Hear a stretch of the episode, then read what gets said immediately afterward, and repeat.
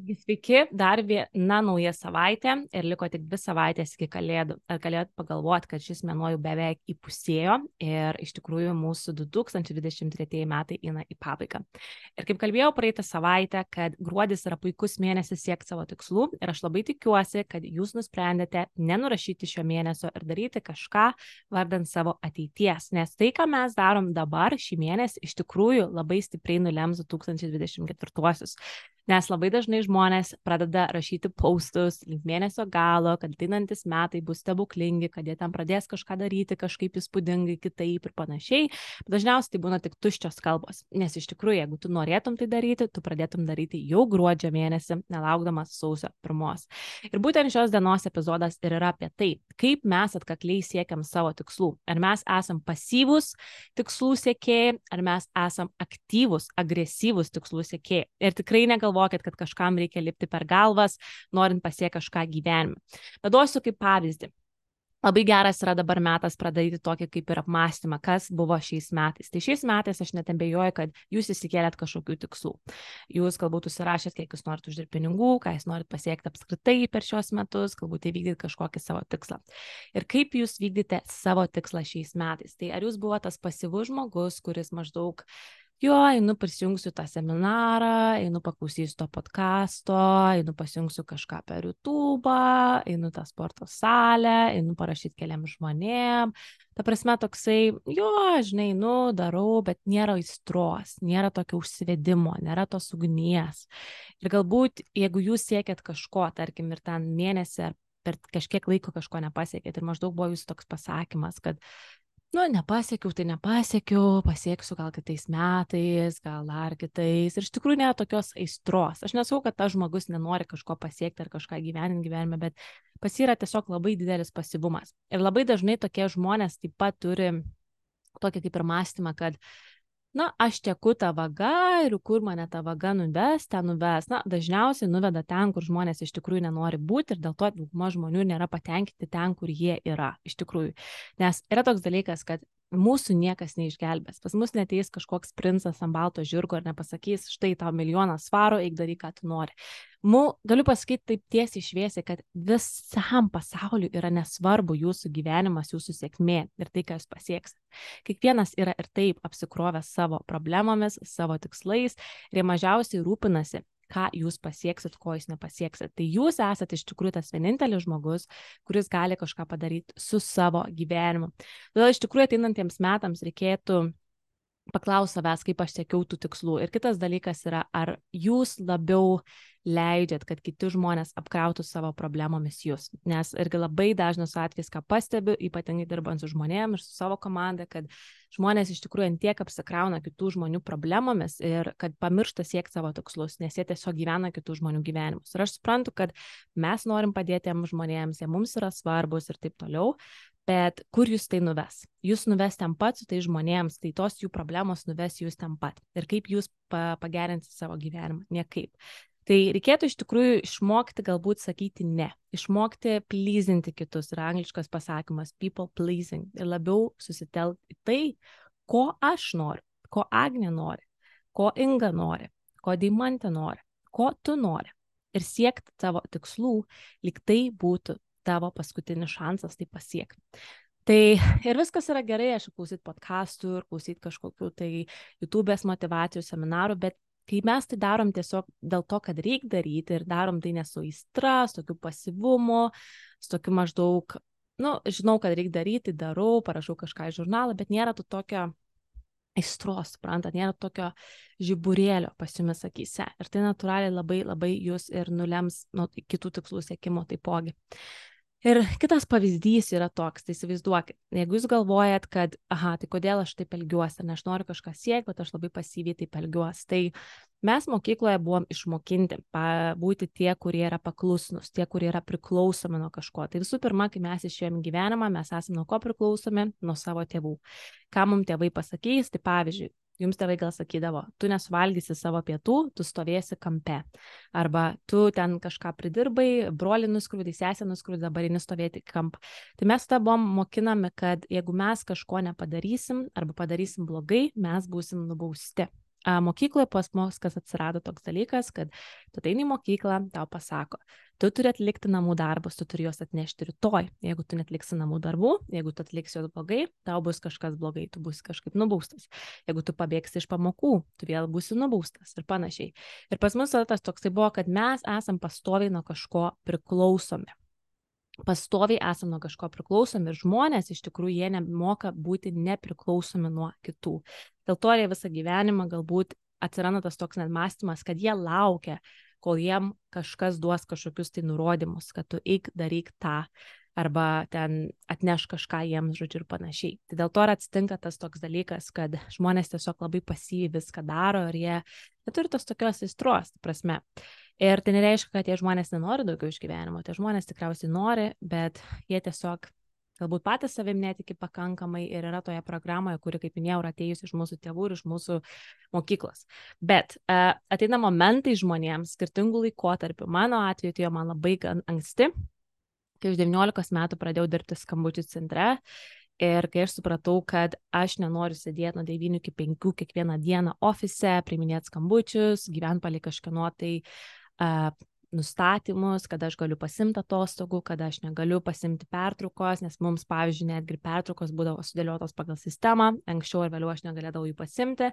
Ir toks buvo, kad aš buvau realiai priklausoma nuo to darbo, nuolatos, ta prasme. Ir aš paklausydavau kitų žmonių istorijų, kurie sakydavo, aš jau čia dirbu 15-20 metų maždaug, ta prasme, aš nenoriu tokio gyvenimo gyventi. Ir aš supratau, kad aš noriu kažko laisvės, aš noriu būti nepriklausoma nuo to ir panašiai. Tai man atėjo tas visas galbūt suvokimas, kad aš nenoriu būti toj sistemoje gan anksti. Ir yra žmonių, kuriem galbūt ateina šiek tiek vėliau.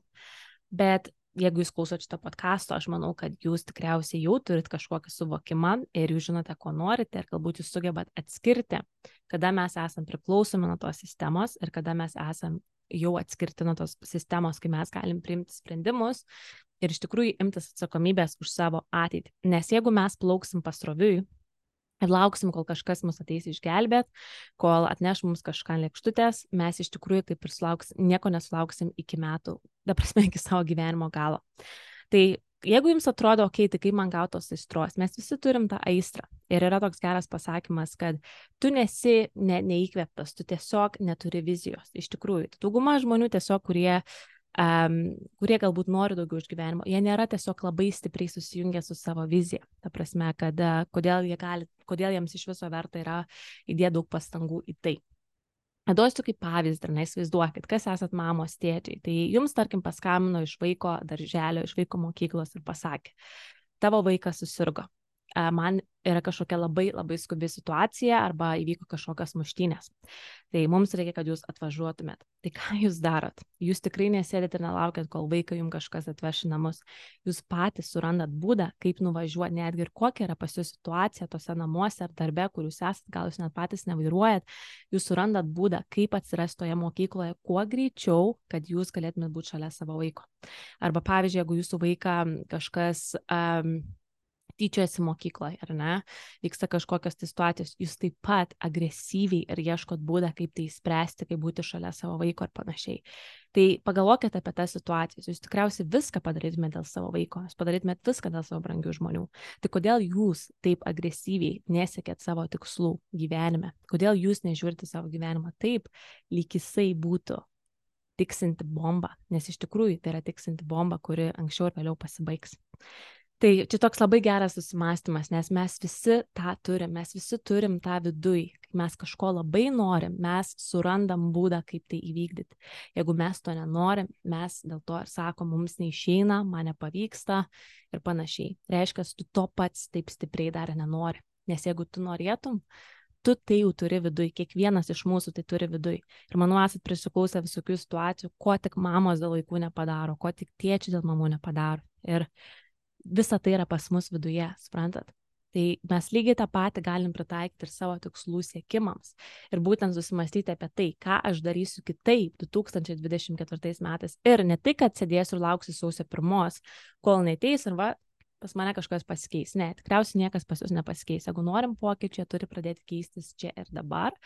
Ir tai turi vykti šį mėnesį, ne kitą mėnesį, ne vasarį, kai šventinis, kaip sakant, kiekvieną mėnesį žmonės suranda priežasčių kažkodėl kažko nedaryti, bet tai vėlgi reiškia, kad tas žmogus jis tiesiog nenori to daryti.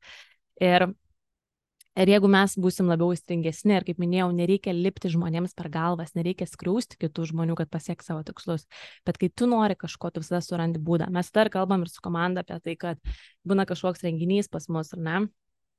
Ir, na, būna tikrai visokių irgi atvejų, kad žmonės gyvena labai šalia tų renginių, kur vyksta ir jie vis tiek net vyksta, nes ten, nežinau, kažkas neišeina ir panašiai. Ir aišku, aš suprantu, visokių atvejų būna ir aš nesakau, kad vis, vis, visi vis, visiems tiesiog taip uh, neišeina, ar ne, bet yra tikrai buvo tokių atvejų, kad žmonės važiavo ir ten buvo tokių situacijų, kad 10 valandų važiavo, 12 valandų važiavo su autobusu per visą naktį, be miego, tam, kad atsirastų tam renginiai. Ir jie tiesiog surado būdą, nors ir ten pas juos namuose buvo chaosas ir darbe buvo chaosas, bet jie vis tiek surado būdą, kaip atsirastame renginiai. Dėl ko? Dėl to, kad jiems tai yra svarbu, dėl to, kad jie agresyviai nori siekti savo tikslų, o ne maždaug, ai, aš palauksiu čia, kada bus kitas renginys, gal kitais metais bus, tai aš ten nuvažiuosiu. Dažniausiai tokie žmonės su tokiu mąstymu, jie ir taip ir nepajuda iš vietos.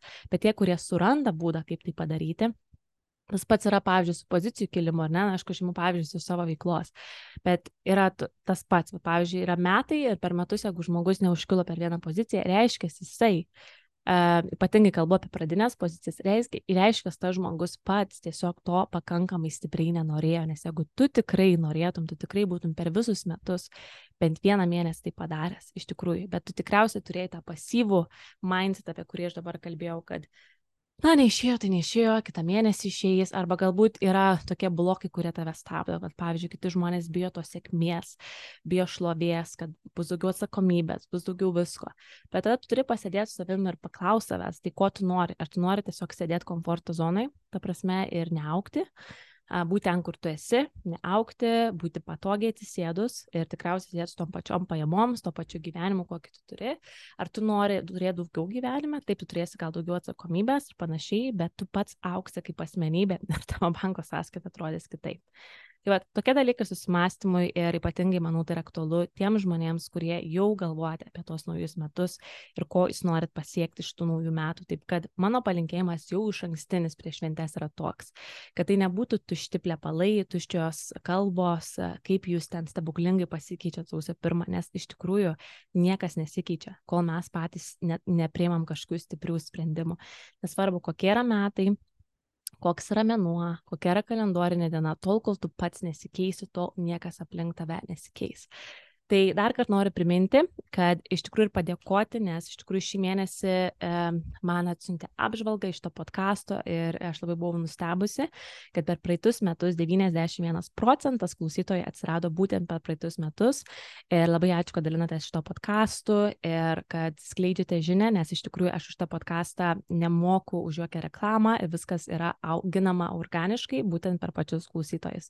Taip kad dar kartą noriu priminti, jeigu jums patinka šitie podkastai, epizodai, pasidalinkit su savo aplinka, per savo socialinius tinklus, galite užžymėti mane, galite rasti mane Instagram'e Egnuela arba Egnuela podcastas, e, Facebook'e Agnė Der ir tik tokia Agnuela podcastas. Ir jeigu klausote mane Spotify, jūs galite mane ir matyti, nes mano visi epizodai taip pat yra tuo pačiu metu įrašomi ir įkeliami į YouTube. Tai jeigu norit mane ne tik klausyti, bet ir matyti, jūs galite matyti mane YouTube saviugdos podcastas, kur kiekvieną pirmadienį, taip pat kaip ir Spotify, yra įkeliami šitie epizodai.